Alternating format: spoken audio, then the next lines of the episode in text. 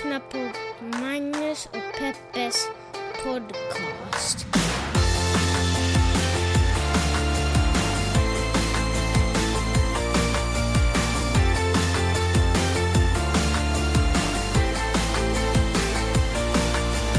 Hallå internet och hjärtligt välkomna vet jag att ni känner er till podcasten som heter Magnus och Peppes podcast.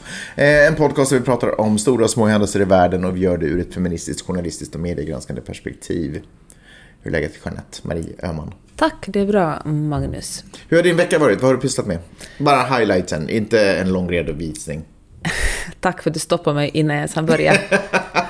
Hör du, vi har ju husvaktat ett hus i Hollywood i helgen. Det var ju en, en höjdpunkt. Ja, men det var väl ganska blygsamt husvaktande. Vi var där och käkade middag och sen så gick du och la dig. Ja, Men sen hängde vi hela söndagen där och tog ett dopp i poolen. Jag har ju tagit dopp Ja, första vi var gången ju i år. hemma vid lunchtid. Ja, okej. No, men ingenting roligt har hänt då. Mr Fun. Vad mer har hänt då? Vad mer har hänt? Jag har eh, jobbat. Jag har eh, börjat på att fundera på en ny TV-serie. Det är ju lite roligt. Mhm. Är och när här- jag inte fundera på är det inte någonting jag har sett, utan skriva på en ny TV-serie. Är inte det här veckan som du fick eh, uppdraget? Ja, Ja. det är väl den veckan. Men det är väl den stora händelsen den här veckan? Ja. Håller på och snackar om husvaktning och skit. Det är väl det som är det stora, att du ska få börja fila på riktigt, like a professional, på en tv-serie. Ett uppdrag. Ja, Att det är, ju, skriva. det är så stort så jag knappt vågar säga det. Herregud Peppe, Eh, men betyder det att det är, det här journali- journalistikens död nu? Nej, journalistiken dör aldrig igen. Nej, det är klart att jag också kommer att vara journalist, men det här är ju någonting som... eh, Varför är det klart? Okej, det är faktiskt inte alls klart när du säger Nej. sådär, men jag kommer fortfarande att jobba som journalist. Det är inte frågan om det, men eh, kanske lite mindre. Ja. Eh, är det här eh, döden för eh, författarskapet? Absolut inte. Jag ska ju skriva många böcker i eh, ett himla tjat om hästar-serien. Men känner du, ändå, känner du att du står på branten till, en ledande fråga, jag hör. Men känner du att du står på branten till ett nytt liv? Ja, men, ett nytt liv är kanske att ta i, men kanske någon slags karriärsombyte kanske.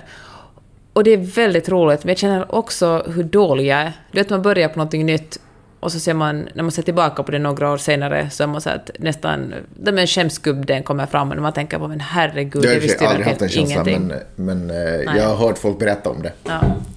ja, men det kan jag, jag försöker hitta någon trygghet i att det är okej att vara dålig i början. Men du säger att du tror inte att det här kommer påverka ditt liv så hemskt mycket, eller?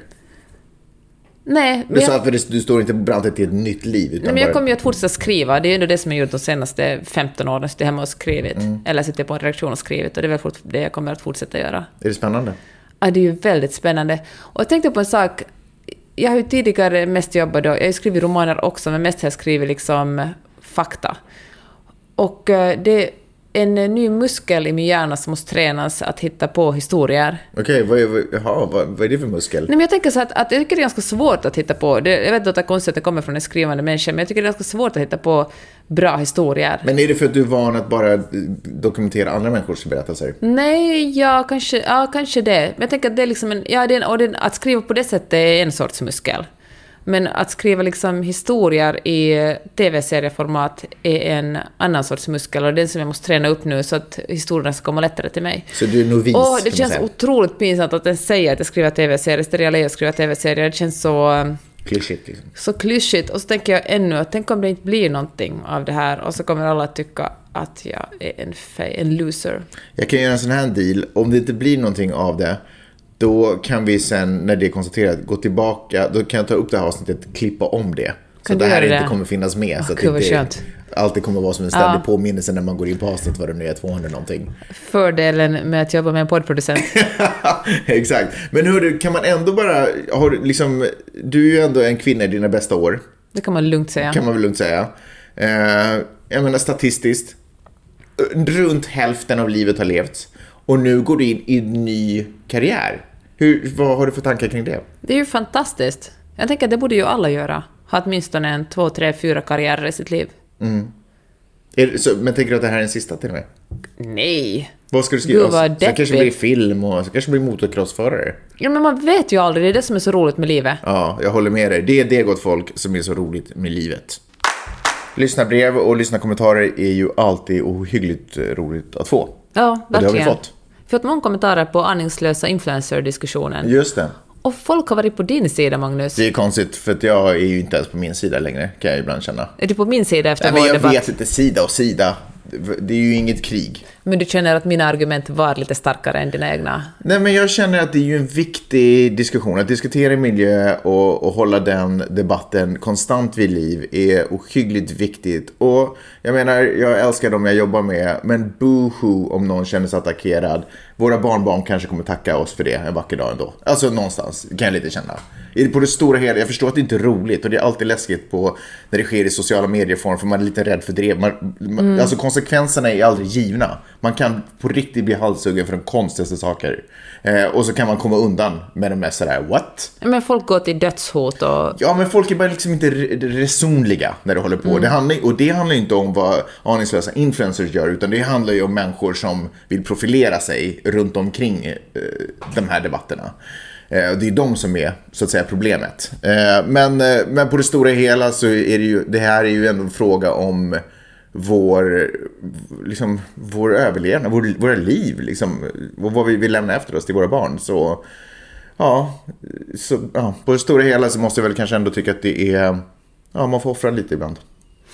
I förra avsnittet sa jag ju att de här aningslösa influencers inte har kontaktat uppdragsgivare och samarbetspartners, och det har de tydligen gjort.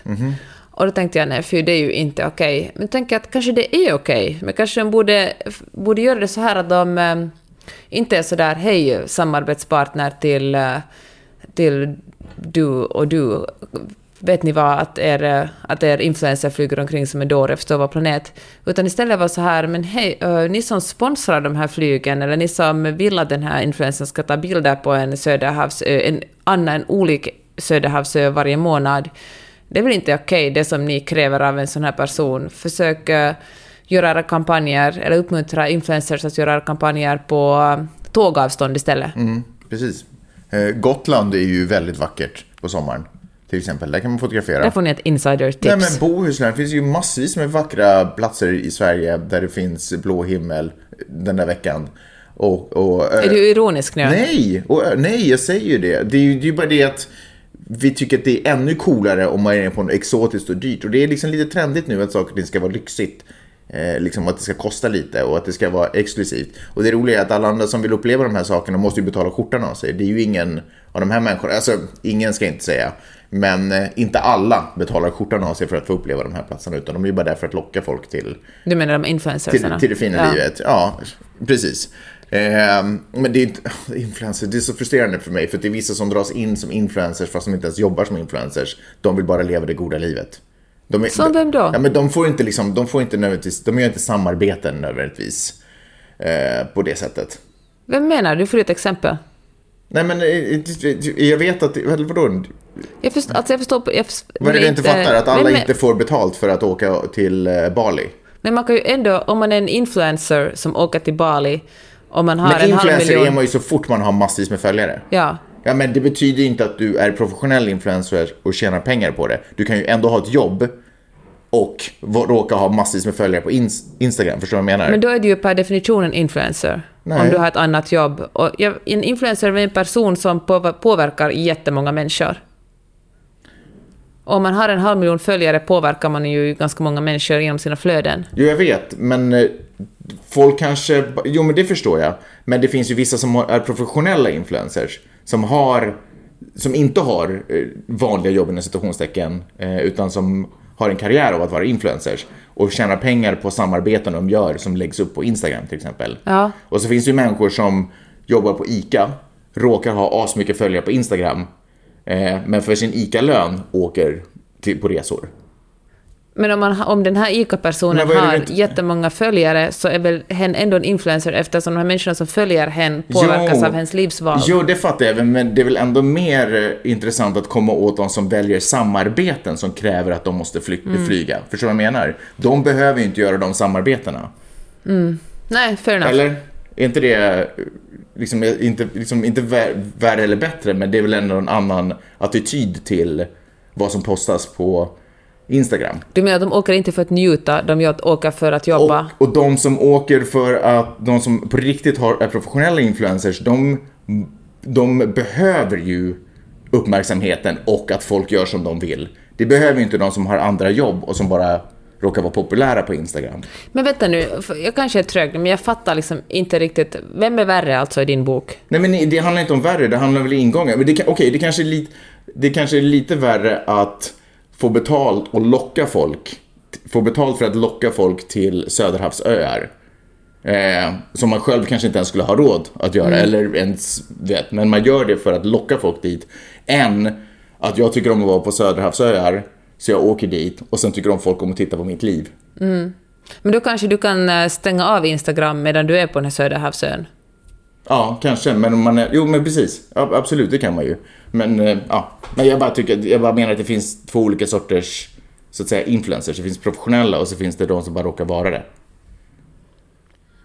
Du fattar inte? Ja, jag fattar vad du menar, men jag... Ja, Du ser ja. inte skillnaden? Nej, men jag tycker inte det finns en så jättestor skillnad. Ja, men till exempel så aningslösa influencers som ringer till företag och säger Vet ni om att den här influencern, det har ingen effekt på de som redan har ett jobb och bara åker ut och åker. För de får inte, de skiter, det- kommer ingen cashflow. Det påverkar inte deras cashflow vad folk tycker. Nej, på så vis Förstår du vad kanske. jag menar? Ja, ja okej. Det är väl eh, hyfsat relevant. Ja, men då kan man ju säga att den här, den här ICA-personen, de har jättemånga följare. Det på... Nej men ingen ska flyga, det kan vi väl ändå Ja, konstatera. precis, jo, nej, men ja. ingen ska flyga. Men, Eller du, kom, liksom men du drömma- kommer ju inte åt en, en icke-professionell influencer med... Men är, är, är liksom pengar det enda man kan komma åt folk med då? Ja men det är väl det enda tillfället som det verkligen blir, om, om inte argumenten i sig säljer, eh, så är det väl åtminstone en cashflow, eh, på, hur cashflowen påverkas. Det är väl åtminstone intressant för någon som har det som jobb. Ja, man kan föreslå ett sätt att rikta sin, rikta, försöka tjäna pengar på ett annat område i världen. Nej men kolla, den personen, om det resulterar i till exempel att den tappar massa följare Mm. på grund av det här, så påverkas ju bara den som är professionell influencer av Mm. det. Den som inte är det kan vara så här, ah, ah, ah, tråkigt, men har inte förlorat några pengar på det. Mm. Okej, okej, okej. Men sen tänker jag också att tanken är väl inte att ingen någonsin mer ska flyga, utan folk ska se över sin flygning och flyga mycket, mycket mindre än vad man gör idag. Ja. Bra, nästa. Okej. Ett annat lyssnarbrev vi har fått handlar om eh, Amerikas patriotism. Det kommer, eh, brevet kommer från Elin som undrar hur det kommer sig att amerikaner älskar sin armé så otroligt mycket. Älskar sin armé. Ja, precis. US Army. Hon har skrivit ett ganska långt mejl, men jag kommer att plocka ut... eh, Godbitarna. Ja, men precis. Hon, hon säger att hon, man hör henne sällan eller aldrig en kritisk åsikt om armén, utan det är bara “thank you for what you do for our country” och uh, “thank you for being in Iraq” och så vidare och så vidare. Och eh, att till och med vettiga TV-hosts, som jag tycker har vettiga medmänskliga åsikter i andra frågor, också hyllar armén förbehållningslöst. Till exempel Jimmy Fallon, Ellen DeGeneres och Oprah. Var, varför kommer den här armékärleken i USA? Okej, jag tror, för det första så tror jag inte att det handlar om, eh, om USA är ju annorlunda gentemot eh, Norden. Eh, I Norden har vi ju allmän värnplikt, vilket betyder att vi alla är soldater. Potentiella soldater som lever i landet. I USA har man ju inte det, så man har ju en privat armé kan man säga. Eller en, en frivillig kår, eller hur man ska kalla det för. Eh, men sen så tror jag att det är liksom, eh, jag tror att det, eh, vad heter hon som ställde frågan? Elin. Jag tror att det är Elin kanske är lite ute och fiskar efter. Det är ju kanske inte sådär varför älskar USA sin egen armé? Jag menar det är klart att om, om man har en tradition att folk, vanliga människor bestämmer sig för att offra sitt liv för, du vet, whatever purpose. Så Det är inte liksom soldaternas fel så att säga, det är ju bara deras jobb. Sen kan man väl kanske tycka om varför skickas de ut i krig in the first place? Det kan man väl kanske diskutera. Men det vore ju konstigt om man inte ändå, du vet de som ändå har gjort det valet, man, de, man, förstår vad jag menar? Eller? Att, du menar att du sa att folk som går frivilligt in i armén, att man uppskattar eh, Ja, deras... det är väl eh, liksom en, en Att de offrar sig för landet, Ja, liksom. tack för det. Och du vet, om För att du håller vårt land säkert. Precis. Sen kan man ju tycka vad man vill om politikernas beslut att skicka vidare. Men om någon ändå har varit i krig för vad som skulle ha varit någon form av amerikanskt syfte och kommer tillbaka, då kan man vara så här: thank you for your service. Fan vad schysst du är som gör det jag inte vill göra. Men hör du, rätta mig om jag har fel, jag vet att du har forskat på det här, men visst är armén i USA ganska långt en klassfråga? Precis, det är det ju faktiskt. Eh, därför att eh, armén är ju, eh, med armén eh, så får du ju massa andra eh, saker. Eh, du får, för det första får du ju en lön, du får ju en utbildning. En utbildning som dessutom är ganska mycket värd i, i amerikanska ögon, därför att, och speciellt om du blir befäl. och sådana saker. För du har ju ledarskap och det är ju otroligt bra i det här landet att kunna vara en driven och framåt person. Så att man, får, man har liksom en del förmåner. Sen så är det en massa saker som, som inte blir som man tror. Eh, det vill säga, du vet det här sociala skyddssystemet, det kanske inte riktigt hjälper till 100% folk som har varit med på riktigt traumatiska upplevelser eh, i, i krig och sådär. Men du har helt rätt att det är ju oftast en, eh, en möjlighet för folk som inte har möjlighet att... De ekonomiska möjligheterna att, att studera. gå till skola eller du vet sådana saker. Är det inte college också för många? Jag vet faktiskt inte. Jag vet inte. Men det är väl, är det inte typ Kanske en... det är olika delstater? Ja, men jag tänker att om man till exempel går in i sådär, whatever, vet du vad, jag, jag låter det vara Okej, osagt. okej. Jag vet faktiskt inte. Men du har ju helt rätt att det är folk som, om vi säger så här, det är inte en slump att Donald Trump inte har varit i armén. Mm. Eller så. Eh, men jag tror kanske att den stora frågan är varför är USA så patriotiskt?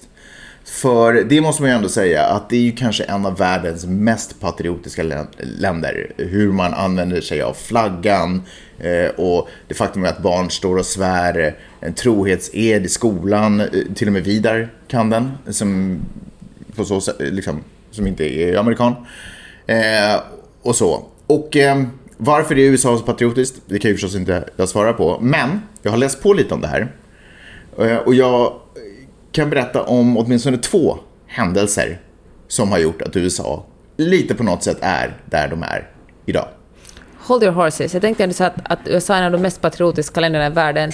Men vad man tänker på liksom Kina till exempel, eller Nordkorea. Fast de är ju påtvingat Exakt, tänkte det. Att det är ju en stor skillnad. Det icke, nu är USA kanske inte världens bästa demokrati, men det är ju ändå ett demokratiskt land. Det måste ju finnas skillnad på, på icke-demokratier som är patriotiska och eh, demokratier som är Mm. det. Det som skiljer USA, eller rättare sagt amerikaner ifrån eh, till exempel då kineser, är ju att åtminstone så uppfattar amerikaner sig som fria människor. Och det tror jag inte nödvändigtvis att alla kineser eh, gör. Om man inte är super mainstream, för då tror jag inte man märker av eh, styret Mm. på samma sätt. Ja, intressant. Men det är i alla fall ja, ja. på, i, i Kina så är det ju, fast där skulle jag nästan säga att det är inte, det är inte patriotism där, utan det är nationalism. Okej, berätta, för jag vet att du har forskat på skillnaden mellan patriotism och nationalism. Den är lite svår att förklara. Eh, så det är mer en känsla, för i princip är de synonymer. Men man skulle kunna säga så här att eh, patriotism, för övrigt kommer ordet ifrån det gamla grekiska, någonting som typ betyder fädernes land. Liksom det är mer den grejen. Fädernes någonting, padre, du vet. Patriotism. Eh, så man skulle kunna säga att det handlar mer om ehm, att man tycker att det man har är viktigt och värt att försvara. Eh, någonting sånt. Man, man känner en gemens, kulturell gemenskap och man tycker att ideal innanför de här eh, utstakade gränserna är viktiga att försvara. Och det, det är viktiga, viktiga saker att stå för, kanske mer så. Gemensamma värderingar. Ja, men precis. Och vi tycker att det är viktigt. Eh, Ja. Så. Till exempel att det är ett fritt land. Det är till exempel, det är mer kopplat till patriotism. Att det är viktigt att försvara vår frihet som, som amerikaner. Nationalism är kanske mer liksom besläktat med att vi tycker inte bara det att det är viktigt, utan vi tycker också att det är en överlägsen tanke i förhållande till andra. Vilket betyder att vi vi inte bara försvarar det vi tycker är viktigt utan vi vill gärna trycka ner alla andra runt omkring oss. Det är liksom vi framför, framför allt. Ehm, så. Patriotism eh, kanske mer leder till att man försöker lite mer, i, i, jag säger inte att det nödvändigtvis är bra, men att man i det långa loppet kanske försöker sprida sina, då inom citationstecken, goda värderingar och influera andra, medan man i nationalismen kanske mer försöker påtvinga sina Okej. värderingar eh, på andra. Förstår du vad jag menar? Jag förstår. Det här är, inte, det här är liksom, ja, Det här är ingen exakt vetenskap. exakt. Men nu kommer vi att få höra om några incidenter som kanske har bidragit till amerikanernas patriotism. Låt mig då ta er tillbaka till början på 1700-talet då USA, eller det som skulle bli USA, egentligen bara var 13 kolonier under ett brittiskt imperium. Eh, de här 13 kolonierna upplevde eh, någonstans där runt 1700-talet att det sätts massa orättvisa skatter på vad de eh, ska leverera till det stora imperiet. Och det kändes som att, för de hade fått uppdrag av liksom den brittiska kronan att komma hit, starta lite plantage och bygga upp lite grejer. Skapa, och sen så helt plötsligt måste de skatta asmycket. Och det kändes liksom orättvist. Samtidigt som britterna är ute och har sitt, eh, eh, vad heter det där de åker, Ostindiska kompaniet eller vad det hette, du vet. Och så åker de, och de behöver typ inte skatta. Ja men det var liksom massa sådär eh, problem. Och det ledde ju då till att man eh, helt plötsligt dumpar massa te i vatten. För, att det, för det kändes orättvist att, ja, med skatten. Boston Tea Party. Det, som blev att kallas för The Boston Tea Party, som också blev det som gjorde att enough is enough, vi måste bli egna. Vi har byggt upp och skördat det här jorden nu. Eh, det här har ju, vi måste ju ha i åtanke då att historien om ursprungsbefolkningen här är inte kopplad till det här. Så det här är som en egen entitet. Så de tycker att vi har skördat och fixat det här landet och fått det i gott skick och nu ska vi styra det här själva också. Så Boston Tea Party ledde till att eh, krutdurken exploderade och eh, befrielsekriget eh, inleddes. Med hjälp av Frans, Frankrike så hade då den amerikanska, det som skulle bli den amerikanska befolkningen, hade möjlighet att frigöra sig från det brittiska imperiet. Så, de som startade frihetsrevolutionerna, de kallades för The Patriots. De var patrioterna, de var, och de leddes av, sen när det blev krig, av George Washington som skulle bli Amerikas första president. Så därifrån kommer hela den här känslan av att vi är egna, vi ligger inte under en krona, vi tar hand om, alltså vi ska vara fria män och ingen ska tala om för oss hur vi ska sköta eh, våra affärer. Eh, och det blev ju liksom grunden till hela det amerikanska Alltså, USA är byggt på den traditionen. Det var det som sen också eh, liksom trycktes eh, för evigt i eh, Declaration of Independence. Det var liksom fokus på att alla är egna under Gud och du vet hela, mm. hela den grejen. Så det skulle jag säga är ledtråd ett till patriotismen. Den här eh, medfödda känslan av att är man amerikan så är man fri. Period. Till eh, tillfälle nummer, eller historisk händelse nummer två. Vi spolar fram eh, bandet en 100-150 år. Och eh, det andra kriget, stora kriget inom USAs gränser, nämligen inbördeskriget, har ganska nyligen tagit slut. Det här är ju slutet på 1800-talet. Alla vet att i slutet på 1800-talet var ju nationalism en stor grej. I Finland till exempel, vilka är vi? Vad tycker vi om? Ska jag verkligen heta eh, Svensson i efternamn eller ska jag heta Svenilainen? Nej, men man förfinskar, eh, vad heter det, Fen, fin, fin, fenonismen? vad heter det? Ja. Du får gärna, du bara sitter och nickar. Keep talking baby. ja, exakt. Nej men alltså de, de, här frågorna var eh, intressanta och de, och de spreds över världen. Det här var saker man funderade på och, och, och samma sak gjorde man i USA. USA hade precis kommit ifrån ett otroligt blodigt krig. Man har enats om, inom situationstecken, om att slaveri inte är någonting vi ska ha. Och eh, de här staterna ska ingå under landets flagga. Och det är så här det ska se ut. Så hur ska vi bevara det här då? Hur ska vi bevara den här tanken om vad den här amerikanska nationen egentligen är? Var det inte så att Södern faktiskt inte ville vara med? Precis, och det, var därför det, blev ett, det var därför det blev ett uh, inbördeskrig, för så kan vi inte ha det. Vi kan inte ha en union och sen ska folk hålla på att splittra sig till höger och mm. vänster. Det är ju förvånansvärt att man idag inte har gått in med trupper i England för att de försöker splittra sig ifrån den här unionen. Ja, vi har andra sätt att lösa problem på inom västvärlden. Så, ja, tillbaka till det jag höll på att berätta, Peppe. Mm, mm, är du med mig? Jag är med dig, Magnus. Så man sitter och funderar på hur ska vi behålla den här känslan för nationalitet, vad, vad det innebär att ingå i den här fantastiska unionen gjord för människor som diggar att vara The land of the free. The land of the free. Det är ju otroligt viktiga ideal. Folk har ju verkligen ganska nyligen, bara för några månader sedan, dött i de här frågorna. Liksom.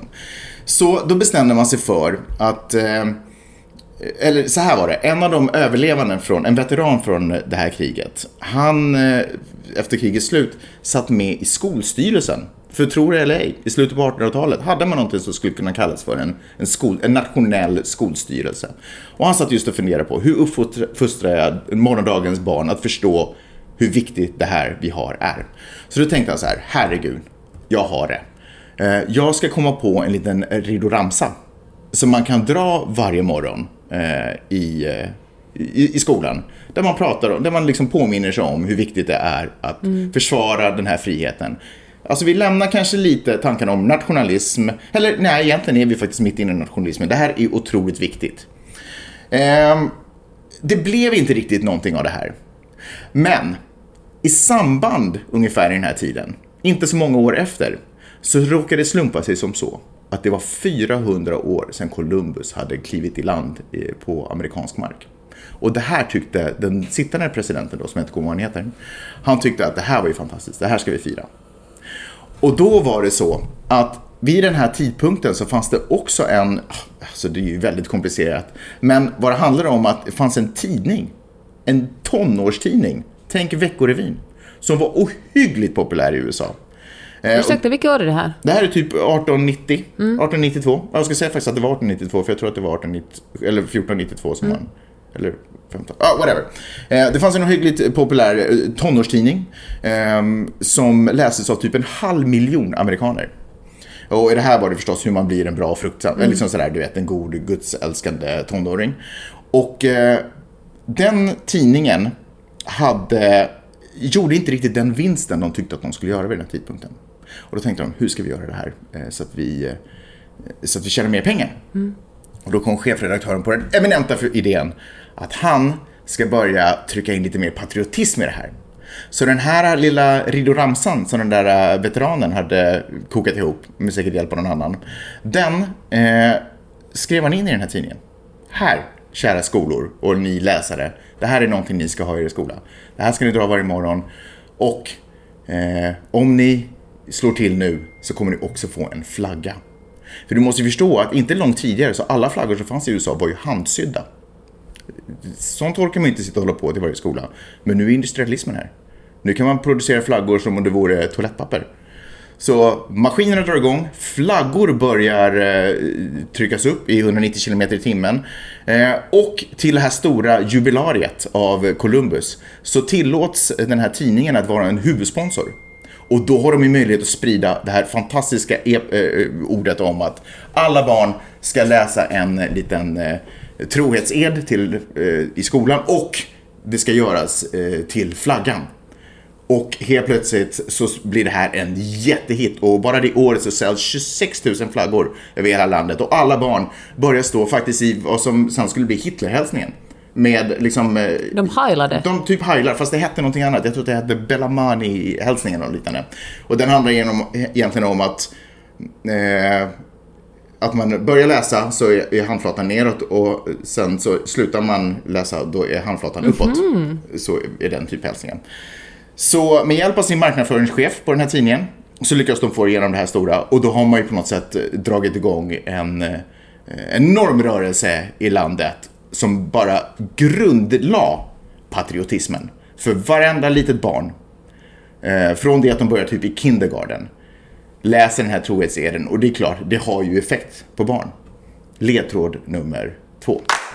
Ja, det var, jag hade egentligen bara eh, två ledtrådar. Men eh, de skulle jag säga är två eh, liksom, faktorer som jag eh, tror att varför vi idag, varför amerikaner idag är så skyggligt patriotiska. Och det är så amerikanskt också.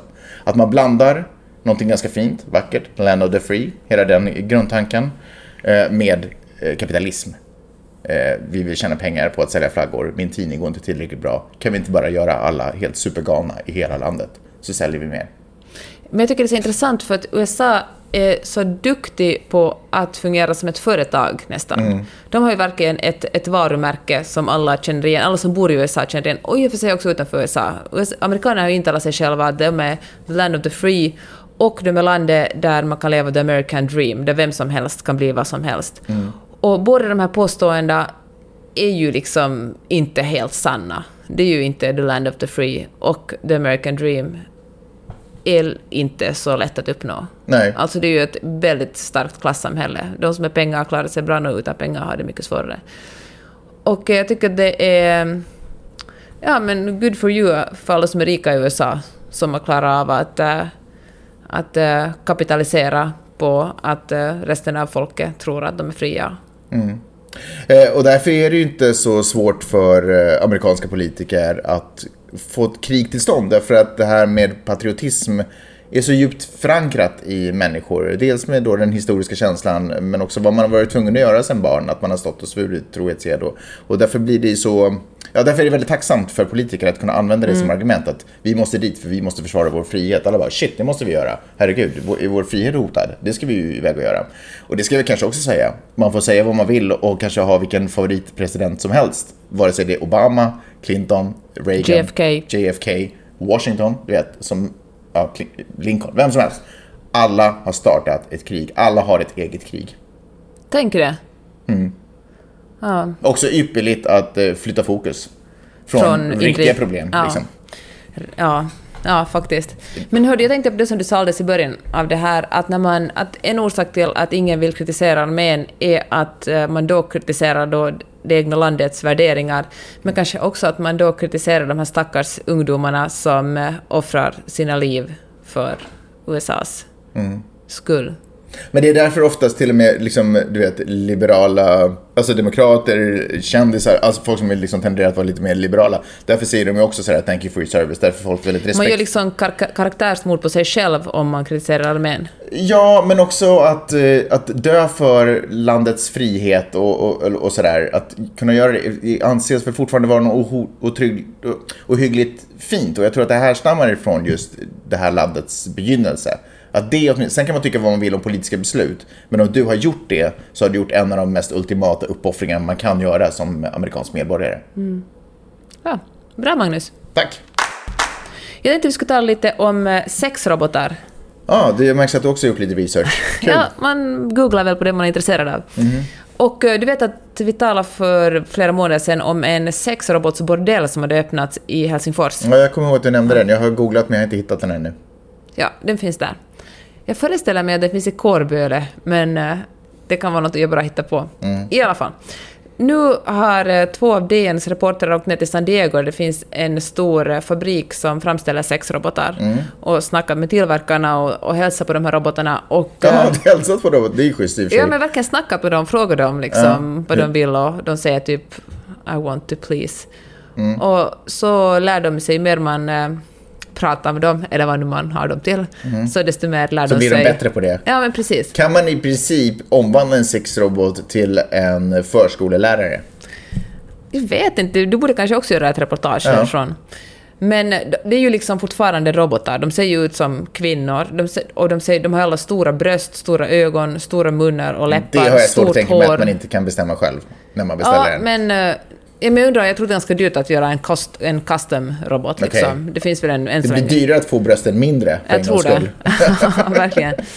Men, eh, men jag tycker det som är intressant här är att är det här en bra sak för, eh, för det finns två opinioner här. Är det en bra sak för alla ensamma män? Ska de äntligen få ha sex med någonting?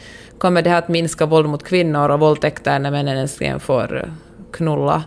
Eller är det här bara ytterligare ett sätt att objektifiera kvinnor och att se och att eh, de männen som eh, Männen kommer liksom inte... Det finns som en... en att, att det, våldtäkterna kommer inte att minska eftersom om man vänjer sig att våldta en docka så kan man... Så är nästa steg att Men våldta en vänta, levande kan man varelse. våldta en docka? Ja, men det är väl en lek. En, man kan liksom göra en sexlek när man våldtar. Tydligen finns det en inställning bland dockorna så de gör motstånd för att det ska bli ännu mer upphetsande. Alltså de, de rör sig naturligt. Alltså de rör sig också. De kan röra sig, ja, ja. Liksom Alltså, inte dildos. Gör de typ the robot dance eller rör de sig naturligt? Men nu ska du bort det här. Jag vet Nej, faktiskt alltså, inte men det är, ju, det är ju ett skämt från början. Det kan man ju inte bara konstatera det. Är inte det, det finns ju något komiskt i Nej, jag vet inte. Jag tycker det är vad vår kreativitet är villig att göra för att det Ja, ska få men ligga. visst är det intressant att vår kreativitet ofta... Alltså att porr är en så stor del av internet, eller var en så stor del av internet så länge, eller är, är väl ingen slump. Nej. Att vår kreativitet så ofta riktar sig till olika sätt att ha sex på. Och en annan fråga som kommer, kommer upp det här när man pratar om, om... För jag tycker man ska vara sexpositiv. Det är ju bra att folk har sex och liksom folk ska leka med sin sexualitet och använda hjälpmedel eller verktyg. Men inte dockor som kan prata. Nej, alltså jag, säger, jag tycker det är en intressant diskussion, men man säger att okej, det är en docka, men vad om någon vill ha en, ett, en barndocka till exempel? Mm. Men är du det också bara mig- en docka då? Du frågar mig egentligen, är Westworld en bra idé? ja. Eller hur? ja. Ja. Eh, jag tänkte inte på det här Peppe. Eh, och jag tänker så här. Det är ju inte fel att ha sex. Eller hur? Nej, absolut inte. Eh, och det är ju inte fel att, eh, att, eh, att utforska och, och, och så. Och, eller att hitta på hjälpmedel att ha sex Nej. med. Det kan ju inte vara fel. Det som är fel är ju vår känsla för moral och etik. Det är ju det. Och det jag tycker är så synd och konstigt är att att vi tillåter oss själv att släppa känslan för vad som är rätt och mänskligt. Eh, Alltså positivt mänskligt. Bara för att vi skapar en liksom... För att vi skapar död materia. Förstår du vad jag menar? Att varför... Varför vill vi slå en robot? Alltså varför... Det är liksom... Vad, är det, vad är det som händer i vårt samhälle som gör att vi ha, be, har det behovet? Är det inte liksom det som är knasigt? Precis För då är det ju det. skitsamma om det är en robot, om det är en hund, om det är en ma- madrass med hål i eller om det är en annan människa. Det är ju, för det är ett sjukt, det är ju beteendet som är sjukt. Och varför, varför tar vi inte tag i det beteendet snarare än försöka hitta, hitta sätt som gör att vi kan göra det utan att någon skadas? Precis, alltså exakt så är det. Fan Magnus, bra sagt. För det handlar ju, ett, ett problem handlar ju om människan i sig, inte om, inte om roboten, att Nej. det finns tillgängligt. Nej. Att om man säger att, det, att om man argumenterar för robotarna, då är det bra att det finns eh, saker som inte, som, som inte har känslor som kan ta emot de här slagen eller våldtäkten. Då har man ju fortfarande problemet kvar. Ja. Alltså, jag, sen... Det Jag, måste ju handla om mansbild, som tydligen enligt den här artikeln så är 19 av 20 beställare män. Det här är liksom ett, det här är liksom ett område som intresserar män mer än kvinnor. Och då tycker jag att då kommer vi tillbaka till det här att vad är det för fel på... Ja men vad är det för fel i mäns uppfostran, mansbilden eller vårt samhälle som, eh, som gör att eh, det finns så många män som vill idka våld på andra människor? Vet du, vad, vet du vad ett problem är? Det är att vi liksom, eftersom sex är tabu i vår kultur, så ställs vi aldrig till svars för våra sexuella handlingar förrän vi begår ett brott och åker fast för det. Liksom. Eh, För däremellan så lever vi i en eh, mörkerzon där vi gömmer oss med våra sexuella Fast är det en sexuell handling om det är ett brott? Nej men, Är det inte en våldtäkt ja, men, det, då eller? men det måste ju finnas sexuell, sexuella brott. Det måste ju finnas. Eller hur? Det kan ju vara sexuell handling för mig. Mm. Jag kan ju gå igång på att mörda människor. Alltså det kan ju vara... Ja, du upplever en sexuell njutning Ja, av det. precis. Och, det, och det är det jag menar. Att det. Men jag tror också att vi, eftersom eh, liksom mitt sexuella beteende, eh, eller mitt sexuella sökande, eller vad man ska säga, sker i skymundan och i mörker. Därför att jag skäms lite för mina första instinkter. Eh, så, kom, så konfronteras jag aldrig med det och jag behöver aldrig ventilera det och lufta och kolla om det här är ett beteende jag vill fortsätta eller om det här är vettigt.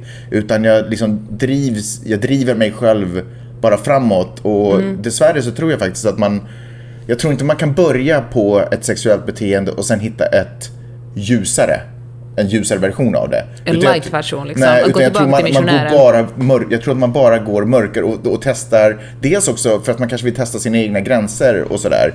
Och sen så till slut så finner man sig själv på en mörk klubb och blir uppspänd på ett kors och på riktigt skadas. Du vet, något sånt. Jag tror att jag tror att det är det som driver en. Jag tror att om vi snarare skulle kunna lyfta upp det och hålla det öppet så skulle det vara mycket lättare att konfronteras med och diskutera det och, och, och liksom hålla styrning. Men det är som att när det kommer till sex, så då, och det är nästan unikt, inte ens våld är där. Våld har vi ganska koll på vad som är när du har gått för långt och vad som, in, liksom vad som är när du inte har gått för långt. Förstår du vad jag menar? I form av boxning. Och, Men tror du att det handlar om, eh, om sex? Du tror inte att det finns så mycket mer till det här? Att, att det finns att- personer som vill... eh, Tror inte det handlar liksom också om, om att man inte liksom kan klippa ut bara den här sexuella delen, utan det också handlar om, om människor som inte riktigt kan hantera sina känslor eller sin omvärld? Säkert. Men eh, framförallt så tror jag att det är vanligare än att det är skummisar i trenchcoat som går och köper de här dockorna. Jag tror att det är liksom verkligen vanliga människor som bara fuck it, jag kan testa, jag har råd, jag kan testa. Och så börjar man liksom, du vet man går bara djupare och djupare in. Kan jag göra det här? Ja, det här kan jag göra. Ja men bra, det här, och det här gav ett pirr jag inte haft någonting. Det är lite sådär, eh, en gång i tiden tyckte jag att det var spännande att gå på två ben och nu kastar jag mig ut för stup med fallskärm. Alltså att man vill testa lite, vad är det som är möjligt? Vad hittar jag ett nytt sorts pirr? Eh, och så. Eh, givet att man också kan känna, oh, det där var för långt och så backar man lite. Det vet jag inte. Men, men det tycker jag är ett problem. Att, eh, att allt det där sker i mörkret. Och då får, ställs vi aldrig till svars. Eh, när man borde göra det. Man ifrågasätter aldrig sin egen moral för man tänker att jag är ju ändå en good guy. Så att jag slår en robot är ju inget farligt. Men varför vill du slå en robot? Som jag sa. Men hör du, jag tänker att i och med metoo tycker jag att man bör tala mer om, eh, mäns rätt till sex och eh, går det verkligen framför allt annat? Liksom, är det så viktigt att... Uh, alltså jag ställer en, en fråga, inte, det här är ingen, ingen retorisk fråga. Att uh, måste man alltid snacka om att men hur ska de här männen få sex då? Hur ska de här... För jag tycker att ett argument i den här sexdebatten är så att ska, det är så att alla ska kunna få sex. Men det är väl ingen mänsklig rättighet? Nej, det är ett mänskligt behov. Ja, men precis, det men det är väl en stor rättighet. skillnad mellan ja. de två. Vi tänker också, det här kan en helt annan diskussion, men jag tänker på att åtminstone åtminstone förr, jag vet inte om det stämmer fortfarande, så fick man om man äh, hade en funktionsvariation, en viss sorts funktionsvariation i, Danmark, så då fick man gå till en, en då fick man liksom köpte, köpte staten sex åt en några gånger i månaden. Och äh, då tänker jag också att är det verkligen... Det är... Jag vet inte, jag, tänker, jag tycker att man har fokuserat mer på... Jag tycker att genom metoo har han börjat tänka, tänka mer i, i liksom, äh, perspektivet. Vad liksom, hur mycket... Hur viktigt är folks, och då främst mäns rätt till sex i relation till vad det gör med de människorna som ska bjussa på det här sexet? Mm. Ja, jag vet inte vad jag ska säga. Men jag, tycker, jag satt och tänkte på andra grejer medan du pratade. Ja, som vanligt. Och då tänkte jag att det är liksom lite kopplat. Och, alltså jag tycker att det finns en länk till det här. Och nu känner jag bara hur jag kommer ge mig ut på djupt vatten här. Men, fuck it, vi chansar. Uh, det här, jag tycker att det här rätten till sex hänger ihop med till rätten till att jag vill ha det jag vill ha. Alltså det är som att vi i västvärlden då framförallt, för att vi är de få som verkligen har förmånen att kunna få allting vi vill, känner att det är någonting vi har rätt till. Mm. Jag vill ha barn, ja men då ska jag ha barn. Live life liksom. Jag, vill ha, ett liv, då jag ska vill ha sex, allt. då ska jag få sex. Eh, och, så, och, och, och det funkar inte riktigt så. Eh, och det är så här, jag vill inte vara olycklig så då ska jag inte vara olycklig. Alltså det, det du liksom... Och du menar att man gör det här på... Liksom, man går över lik för att få... Man går över För lik. att maxa sitt eget liv. Ja, för att ens, ens lycka, ens egen personliga lycka, eller det man inbillar ska ge mig lyckokänslor, dopa, min egen tillgång till mitt eget dopamin, är typ det viktigaste som finns. Därför, därför har jag liksom, ja, därför är jag villig att gå, precis som du säger, nästan över lik för att få allting som kanske inte tillhör mig, eller tillhörde mig. För, lika lite som jag kan beställa Posit- ja, kanske vet du vad. Jag vill ha fint väder. Alltså är det min lycka att vara på en söderhavsö just nu. Det är mycket viktigare än de konsekvenser det resandet har. Eh, men, men det finns saker du liksom inte kan komma åt. Du kan inte säga jag måste vara frisk. Nej. Michael Jackson låg i ett syretält. Han var ändå inte frisk. Han var inte bara sjuk i huvudet. Utan han var också sjuk. Liksom. Du kan inte få allting. Och jag tror att man måste på något sätt välja. Vet du vad, på så sätt tycker jag att buddhismen har alltså, inte en fruktansvärt dålig idé. Om jag inte förväntar mig någonting så kan jag inte heller bli olycklig. För jag fattar att, att, lev, att leva är ganska mycket lidande. Men det finns också otroligt mycket positiva saker. Och om man bara liksom släpper lite eh, urgen att grabba tag om allting. Och bara försöker vara nöjd med det, den kortleken, liksom den handen man har fått. Eh, och studerar den mer än man studerar allting annat som finns där ute så är det liksom, tror jag att det är lite lättare att leva bara, period. Det sa var alltså carpe diem. Ja, fucking fånga dina egna möjligheter och men, jag, men, men samtidigt så är det otroligt orättvist för jag upplever mig så ohyggligt lyckligt lottad. Eh, för att jag har inte bara barn, jag har liksom tills vidare också hälsa mig veterligen och, och sådär. Men, men allting är inte för alla. Det finns ändå trots allt massa saker jag inte har. Som förstås skulle vara wihi om jag kunde få. Men jag får, har inte dem. Liksom. Och så är det. Period. Jag kommer inte döda någon för att få det. Det är liksom inte, eller, eller bygga en robot för att få det. Jag får helt enkelt leva med det sex jag har med dig. Tyvärr. Det är liksom, ja. Det är mitt kors att bära. Okej. En helt annan sak. Jag skulle tala om Saudiarabien Aha. och kvinnoförtryck. Har de också sexrobotar? Det vet jag faktiskt ingenting om, men uh, Saudiarabien är ju ett land som har försökt profilera sig allt mer som ett uh, turistland och liksom kanske snegla lite mot Dubai, som Just har det. lyckats ganska bra där. Ja, det hänger ju, fan, allt vi talar om hänger ihop tydligen. Dubai är ju ett av de ställen som verkligen flyger ner influencers uh, som bara den, Mm. och för att man ska komma dit. Ja, det är därför de flyger ner dem, för Ja. att man ska komma dit. Gotcha. Ja. Och uh, då har man till exempel, det här till exempel öppna biosalonger i Saudiarabien som är otänkbart. För, och man har sagt att kvinnor får köra bil. Liksom, det finns en lag som säger att kvinnor får köra bil, men i praktiken så kan man ändå bli stenad om man gör det. För Ja, att, eh, fast av arga människor. Ja, men inte... eh, kulturen förändras långsammare precis. än lagstiftningen.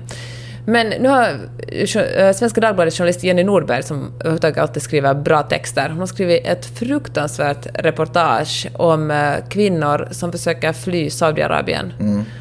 Och eh, för som kvinna är man ju inte myndig där. Utan man, får, man har inte rätt att, att eh, resa ut ur landet, man har inte rätt att... eh, Rätt att... Ja, vad säger Ja, jag? rädd lät det som du säger. Förlåt. Och, eh, och så berättar hon att man kan, man har liksom, till exempel om man blir misshandlad av sin make, så då kan man inte gå och anmäla det till polisen, utan då måste man ha sin, för man kan inte lämna hemmet, då måste man ha sin make att anmäla, göra en anmälan mot sig själv. Mm. Och det kommer ju sällan att ske liksom. Att, så det är verkligen ett, otroligt förtryck. Men nu har liksom allt fler... Varför gör polisen inte house calls? Men för polisen är också män, för kvinnor jobbar Ja, inte där. det. Och de tycker att det är bara rätt att, att kvinnor ja. får stryk ibland. Och eh, nu var det ju en, en ung kvinna som, eh, som har fått ganska mycket uppmärksamhet som flydde. Hon klarade av att fly. Ett, ett, ett inte helt ovanligt trick är att man stiger upp mitt i natten, norpar åt sig sin pappas eller brorsas eller vem ens förmyndare är. Det kan till och med vara ens barns. Ens- Om man har en son kan en son vara ens förmyndare. Ställer och ger en själv lov genom, att låtsas vara liksom mannen, ger sig själv lov att resa ut, resa ut ur landet och flyr på det sättet. Och då var det en ung kvinna som, åkte, som lyckades ta sig till, eh, till Thailand, till Bangkok. Och där låste hon in sig på ett rum med en journalist och, och twittra. Var sådär, nu händer det här, nu händer det här, nu händer det här. Och hon säger själv att det var det enda sättet hon fortfarande lever och, och inte finns en död i Saudiarabien, att hon hade kontakten ut med, på sociala medier. Och tydligen finns det liksom... Att, Det var ju en finländare väl? Ja, det som, var, en nej, men nu tänker jag på något annat. Det var liksom en, en, en eh, finländsk varför- kvinna som flydde med en, en, eh, en, eh, en annan kvinna från Dubai. Var det Dubai? Ja, för Dubai förtrycker ju också kvinnor på många sätt. Och, Ah, eh, ja. ja, men hon, henne har man tydligen inte hört någonting av Nej, sen dess. sen. Ja. Ja. De försökte segla till, eh, till Indien Mm. och eh, innan de kom fram så då så, ja, hämtade någon henne och Ja. förde tillbaka henne till Dubai. Men okej, men den här tjejen satt i Bangkok på ett hotellrum. Ja, med en journalist och, och liksom, och, sa, och liksom tweetade ut och fick, jag följer henne faktiskt på Twitter och jag kan lägga upp... Sitter hon där fortfarande eller? Jag vet inte exakt var hon är nu. Hon hade... För att vissa av de här länderna, det är också väldigt noga, man kan inte åka till vilket land som helst för att till exempel Australien är känd för att skicka tillbaka kvinnor till Saudiarabien.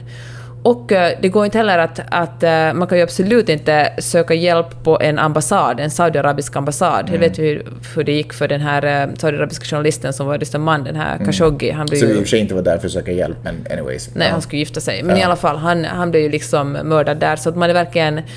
Man är verkligen ett, om man är kvinna och eh, i Saudiarabien och också utanför Saudiarabien är man verkligen liksom en, en Ja. alltså rättslös nästan. Och nej, men jag tycker bara det är...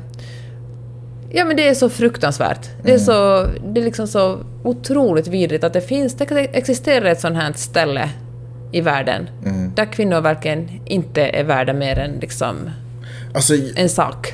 en inte superrelevant fråga, men jag är ändå sådär fascinerad du vet, när folk försöker fly. Okej, nu var det ju till exempel i det där förra fallet en segelbåt mitt på havet. Men ändå, man hittar inte ens ett flygplan som har landat på. Anyways. Ehm, Men sen en kvinna då som lyckas ta sig till Bangkok. Rahaf Mohammed heter hon.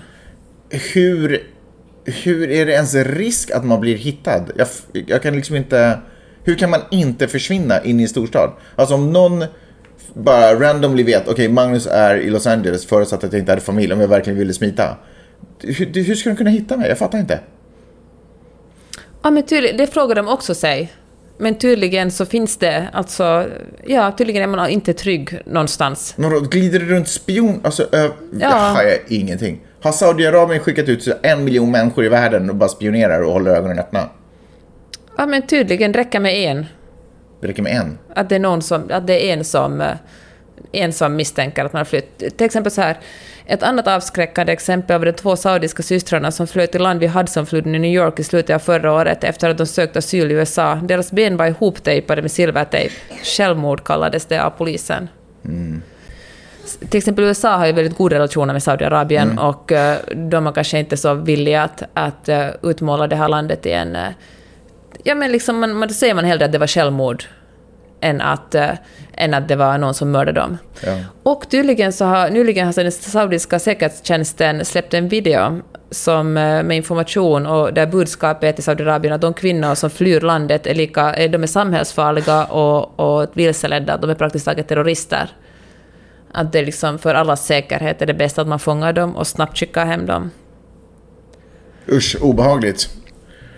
Var är Liam Nilsson när man behöver honom? Ja. Så, och svar på en fråga, förlåt, nu läser jag vidare från den här texten, men, men de kvinnor som den här journalisten hade talat med säger så här att de, de kvinnor som hon talade med berättar att hur de alla i exil på olika vis blivit kontaktade av saudier, de nya länderna. Och, eh, och får de höra att, och de här kvinnorna blev livrädda för att de kunde inte begripa hur man hade kunnat hitta dem. Ja, det, hörru, det är en eh, ledsam värld vi lever i på så många sätt. Eller det är ledsamma människor som lever i den här världen. Men det finns också mycket bra. Det stämmer, det stämmer faktiskt. Eh, det var allt vi hade den här veckan. Gud vilket glas är halvfullt person jag är nu plötsligt. Men, menar nej, men jag menar, det finns mycket fint. Det är lätt att man bara fokuserar på det som är hemskt i världen. Men det finns också många jättefina bra saker. Ja, så är det. Tack så hemskt mycket för att ni har lyssnat den här veckan och vi hörs om några dagar igen. Och hörni, tack alla ni som Eller jag åker prenumererar till på Sverige, så podden. jag vet inte alls. Nej, det är ju det, därför måste jag spela in den här nu. Sen kommer jag inte att se dig på jättelänge. Hur ska det gå Peppe? Ah, jag är så nervös. Hörru, kan inte du, eh, eller du som lyssnar, kan inte du kontakta Peppe med jämna mellanrum under veckan så att vi vet att barnen lever och att allting är okej? Ja, snälla gör det. Så ska jag också göra det förstås. Ja, det brukar du faktiskt aldrig göra när du är ute och reser. Nej, du, tycker- På sin höjd skickar du en tumme upp och ett Vet, det är den kallaste. Det är verkligen människor som skickar tummen upp är iskalla. Ja, Jag det- bara, Magnus jag älskar dig och saknar dig. Du bara, guldtumme upp. Kul, jag kunde inte ens sätta en hudfärg på nej. det. Ja, gul tumme upp för det här avsnittet. Hoppas ni haft det riktigt bra. Vi hörs snart igen. Tack för att ni lyssnade. Hej då! Hej!